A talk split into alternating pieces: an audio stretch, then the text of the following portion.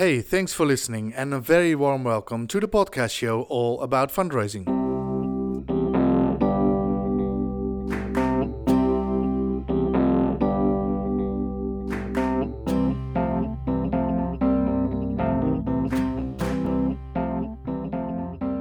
A very warm welcome to the podcast show all about fundraising. Thank you for listening.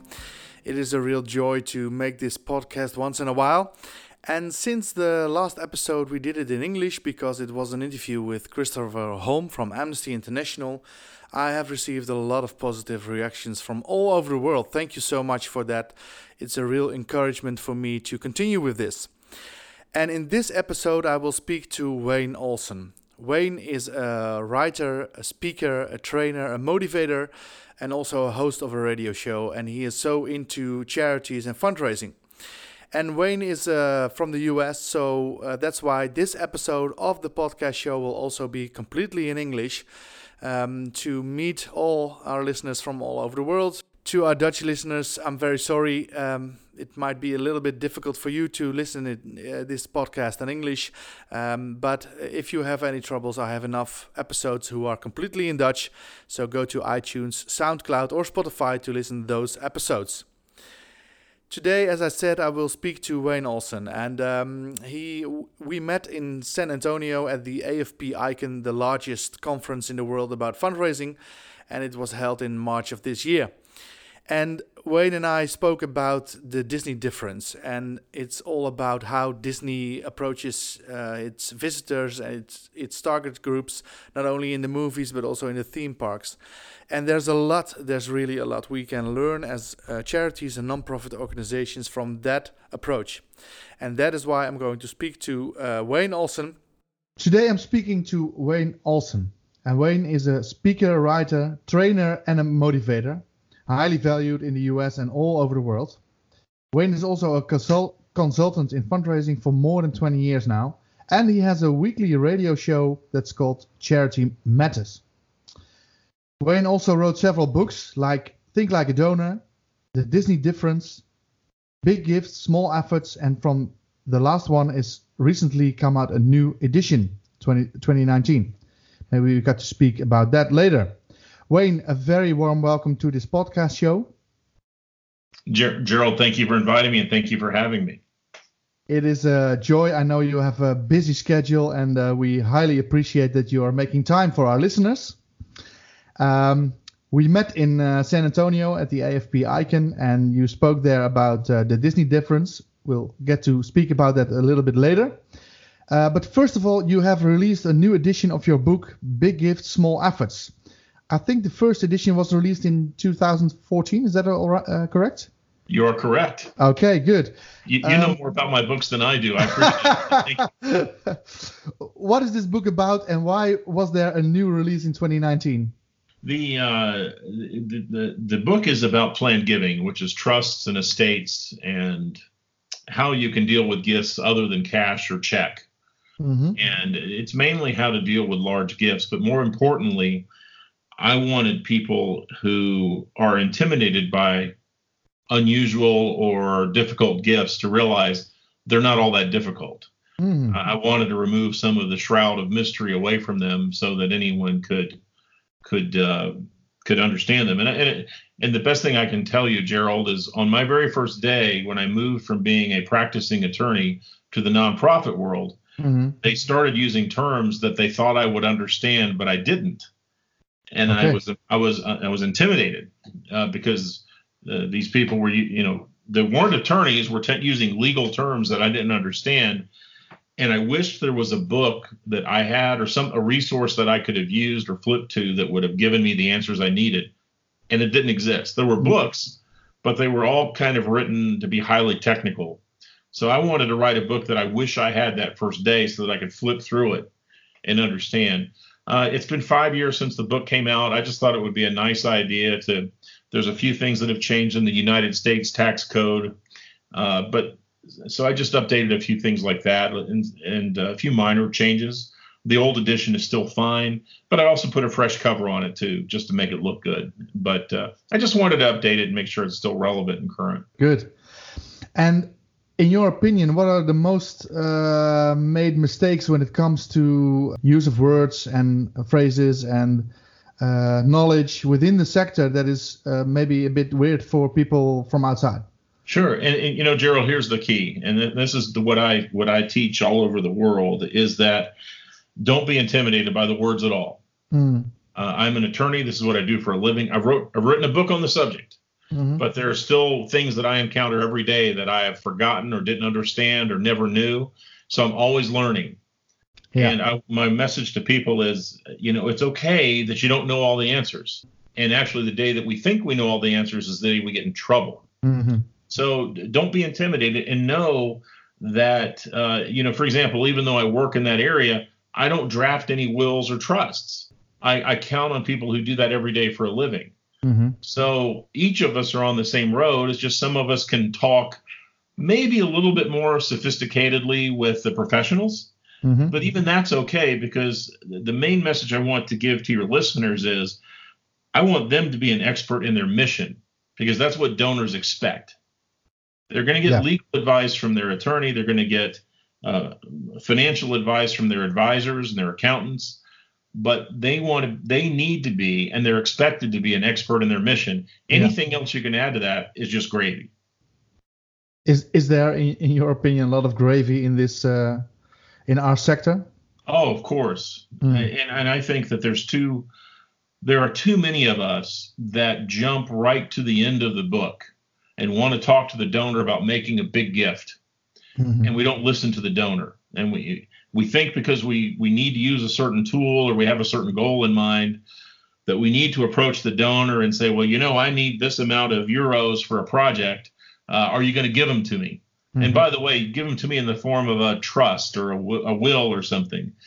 And I think that does a grave disservice to the donor and ultimately to the charity. Yeah. Because we, we we don't take time to listen to the donor.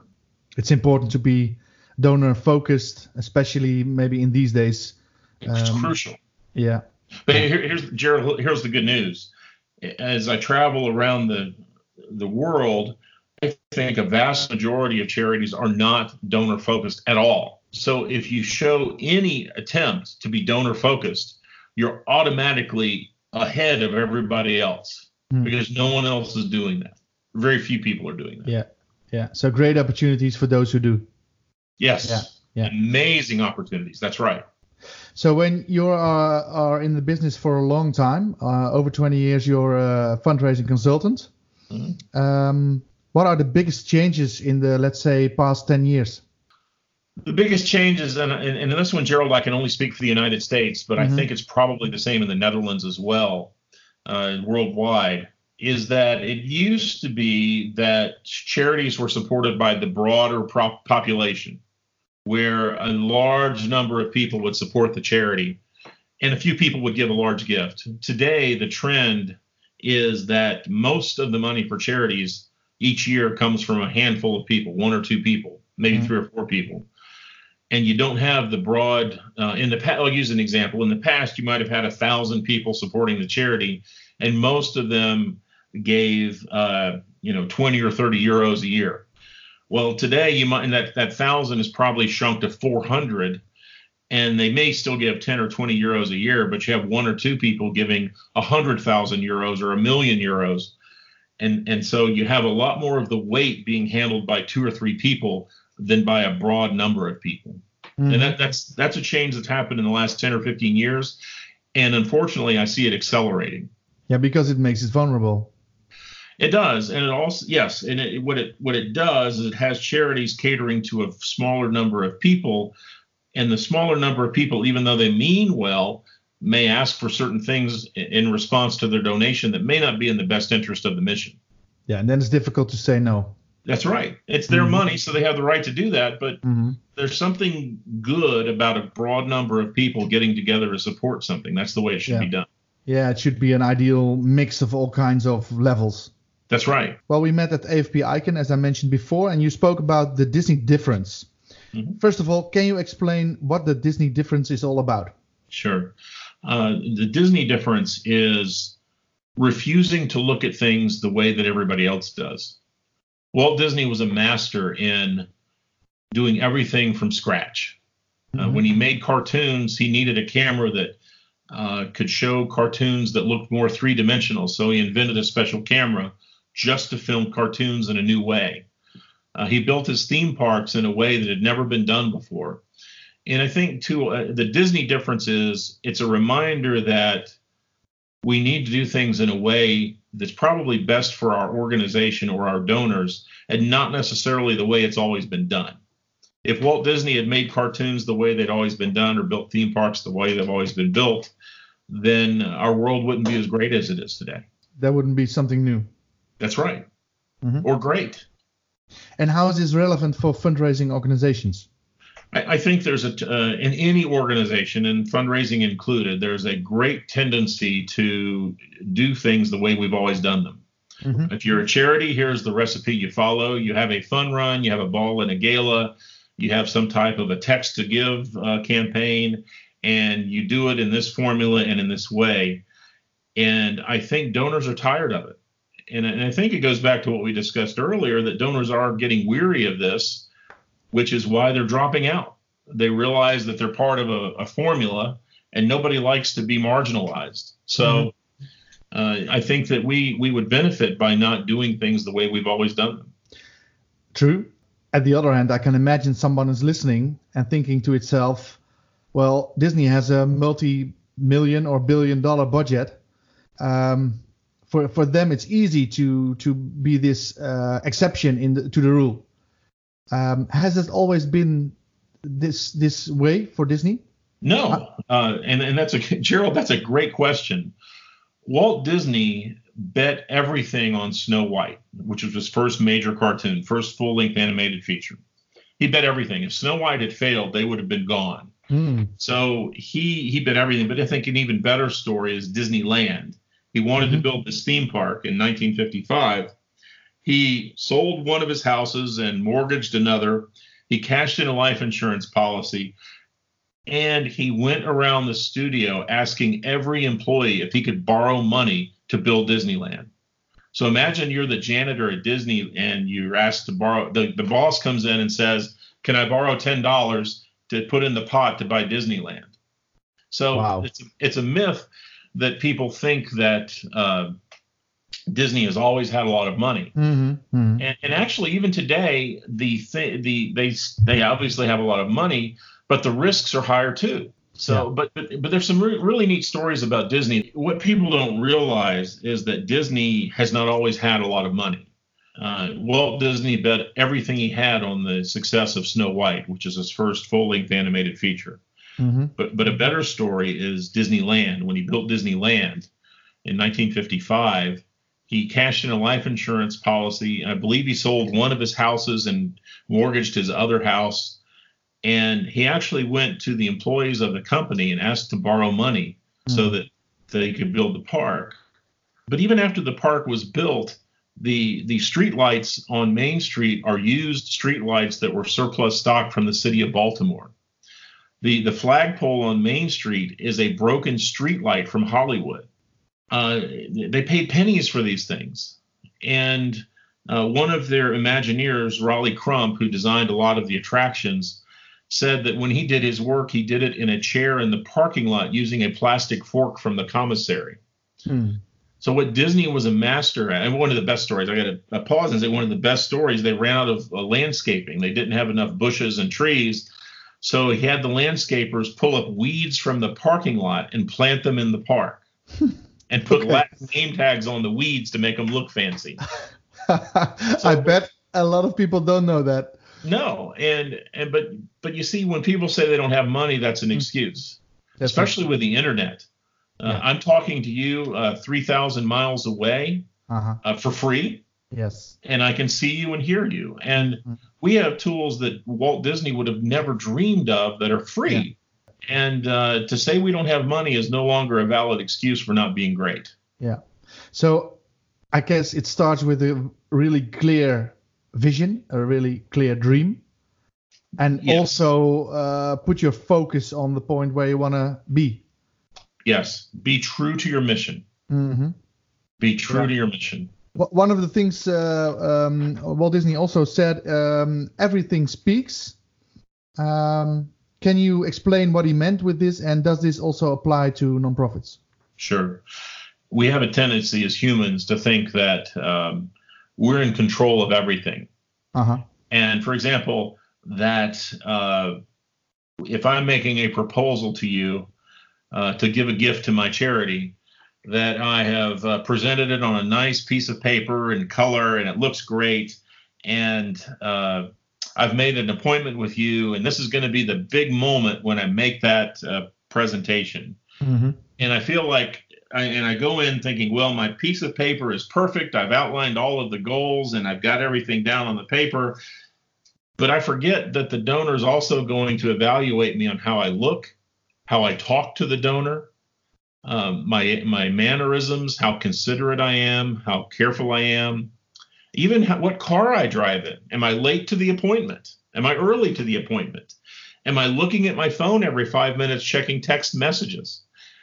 Yes, the the the uh, the proposal is important. The moment is important, but it is dwarfed in comparison to all the other things in the formula because they all speak. Mm-hmm. Even the best proposal will be rejected if I'm abrasive or rude or late. And we forget that. We put all of our concentration on the moment. And we forget that, that, that that's from our point of view. And the donor's got a myriad of point of views and is going to look at all of them. So, what you're saying is uh, take it all in perspective when you present your organization with your proposal and actually you're presenting yourself. Yes. Is there, in your experience, also a, a, a common mistake fundraisers often uh, make? Yes, they talk. How's that? uh, Gerald, this is very uncomfortable for me to talk to you on the phone. I have a radio show and I speak for a living. Okay, I give yes, speeches yes. for a living. Uh-huh. I'll speak for eight hours a day. But what what I'm really good at is shutting up and just sitting in a living room with a donor for an hour or two or three mm. and not saying many words at all. The biggest mistake we make is not listening. We're so eager to go in and tell them all the things we can do for them and the mission and how great this gift will be and all the things they can do with it. When mm. what we really need to do is listen. Mm. Um, and, and we don't do enough of that. And, and that's because the culture tells us to talk. Uh, we always take selfies and we on Facebook we say what we are doing Yes. So everything in our lives is about telling other people about us. What the donor really wants to do is us listen about them. Mm-hmm. And we don't do that enough, including me. I'm, I'm guilty as well, but that's, that's what we need to do more of. What can nonprofits learn from the Disney strategy? Just look at things differently. Just look at your look at your mission from the perspective of an as much as you can, and, and do it purposefully. And, and I tell people this as an example. If you ride or walk or drive to or uh, drive a bicycle or ride a work to your car to work, go a different path. We get in ruts. Well, I get up at seven o'clock. I brush my teeth at 7:03. I eat breakfast at 7:15. I leave the house at 7:45. Do everything just a little bit differently, and especially take a different path to work and you and start your day by looking at it from a different point of view. Hmm. and, and that that that helps because that's the point of view that our donors have. I mean we go to the same office every day. It's familiar hmm. to us. Hmm. well our donors don't and they don't see the mission every day like we do. They only get tastes of it. So anything we can do to look at what we're doing with fresh eyes is always a good thing. Hmm. yeah. Wonderful. That's a good uh, advice you give there uh, to our, all of our listeners. Um, I can imagine it might be also a bit difficult because uh, we so get stuck into uh, the figures, the numbers, the maybe even the pictures and the movies about um, the our mission. Do you have any other suggestions how we can keep fresh or let maybe donors help us to stay fresh and um, surprise them in a positive sure. way? Here, here's what you do you and this is my this is my secret formula right here. Okay. Ask the donors. Uh, in English, this works well. I'm not sure in your language if it worked, but in English, it works fine. Ask questions that begin with a W. Who, what, when, where, and why. Why do you give to our? By the way, you'd think that this would be a question the donor wouldn't want to answer, would be embarrassed you even ask. There shouldn't mm-hmm. be a reason to ask, but ask it. This is my number one tip. Mm-hmm. Ask a donor, why do you give money to our charity? Donor, you've given us X euros over the last few years. Why? You'd think that that would be a bad question, but it's an excellent question. The donor will be happy to give you that answer. Mm-hmm. And the interesting thing you'll hear is the answer is probably not what you're expecting. But yes. the donor will give you the key to the future by mm-hmm. telling you the past. Yes. And the other questions what made you first give? When did you decide this was a charity you wanted to support? You can never go wrong by asking those types of questions. Yes. And we rarely do. If you are sincere and uh, uh, open and uh, interested, uh, these are important, of course. Yes. So if uh, somebody's listening and thinking to itself, um, I want to go this way. I want to uh, incorporate the Disney uh, strategy into my nonprofit organization. What could be a first step? well, well, thank you, Gerald. The first step is to buy my book, which I mentioned. that would be a very good first step. Yes. Uh, I, am sorry, I had to say that. Of course, uh, of course, no problem at all. If you want to, if you are interested in the book of Wayne Olson, you could go to uh, Amazon.com or visit the website from Wayne itself. It's WayneOlson.com. Yeah, you're better off going to Amazon in, in the Netherlands. Okay, but, good, good. Uh, you know, Gerald, the, the the answer is everything we've said. Mm. Yeah, the book would be nice, uh, but but more importantly, just purposefully look at your job as if it were your first day on the job. Mm and remember this too, and I'll use the American Cancer Society as an example. Uh, if people are supporting the American Cancer Society, it is not because they like the corporation called the American Cancer Society. No. It's because they want to cure cancer and help people with cancer. And I think too often because we see our logos and it's on our checks, it's on our chest, it's on our desk. It's on our business cards. It's on the wall. It's our it's our corporation. It's our logo. And I'm not saying we shouldn't be proud of the organization we work for or support. And our donors are also proud of the organization too. But they're proud and they support the organization because of what it does more than what it is. And I think if we, he asked about how we approach the Disney difference. That's the best way is to remember that yeah, the corporation, the entity, the charity we work for is great, but what the donors really want to do is support the mission that it stands for. In the case of the Cancer Society, if someone else is doing a better job curing cancer, we better pay attention mm-hmm. because that's what they want to do. So, but your answer is very clear, and yet I can imagine someone is thinking, okay, uh, I have to focus on the mission and not the organization or any other uh, values that are necessary to get there but how can we surprise our donors in a let's say in a Disney way without giving them the feeling that uh, their donation is spent wrong? I mean, if we if we are giving uh, expensive uh, uh thank you uh, ways or or uh, presents or all kinds of unnecessary stuff, people and maybe more in the Netherlands than in the U.S. will might think they're not doing the right thing with my donation. Sure. So how how can you give a positive the surprise effect that Disney has yeah. uh, in a way that suits the nonprofit sector? Sure, and, and I agree with you. Spending money is not the answer. I'll, give you two answers, Gerald. The first answer is, and and again, this is amazing in its simplicity, is if you just go to the donor and listen you're probably giving the donor a gift. And, and you, you notice that the donor has a dog and you ask about their dog, or you see pictures on the wall and you ask about the pictures. Far too many people never take the time to do that. Mm-hmm. And for many of our older donors, you may be the only visitor they have that week or that so, month. Yeah. So simply taking the time to listen and care, care for the person, not care for their donation, mm-hmm. will be a welcome gift the the thing we can do if we want to do if we want to spend money on somebody, uh, you can't spend a lot of money because that's counterproductive. Mm-hmm. But when you when you uh, when you can spend money, I'm, I'm, gonna give you two examples from my own past that made a huge difference. Uh, I had a donor that liked Little Caesars pizza. I don't know if you have Little Caesars in the Netherlands, but it's a uh, it's an inexpensive pizza chain in the United States. They're everywhere but uh-huh. he was older and he didn't he didn't get out. Mm. So I would bring him a Little Caesars pizza that costs five dollars, mm-hmm. which is nothing, mm-hmm.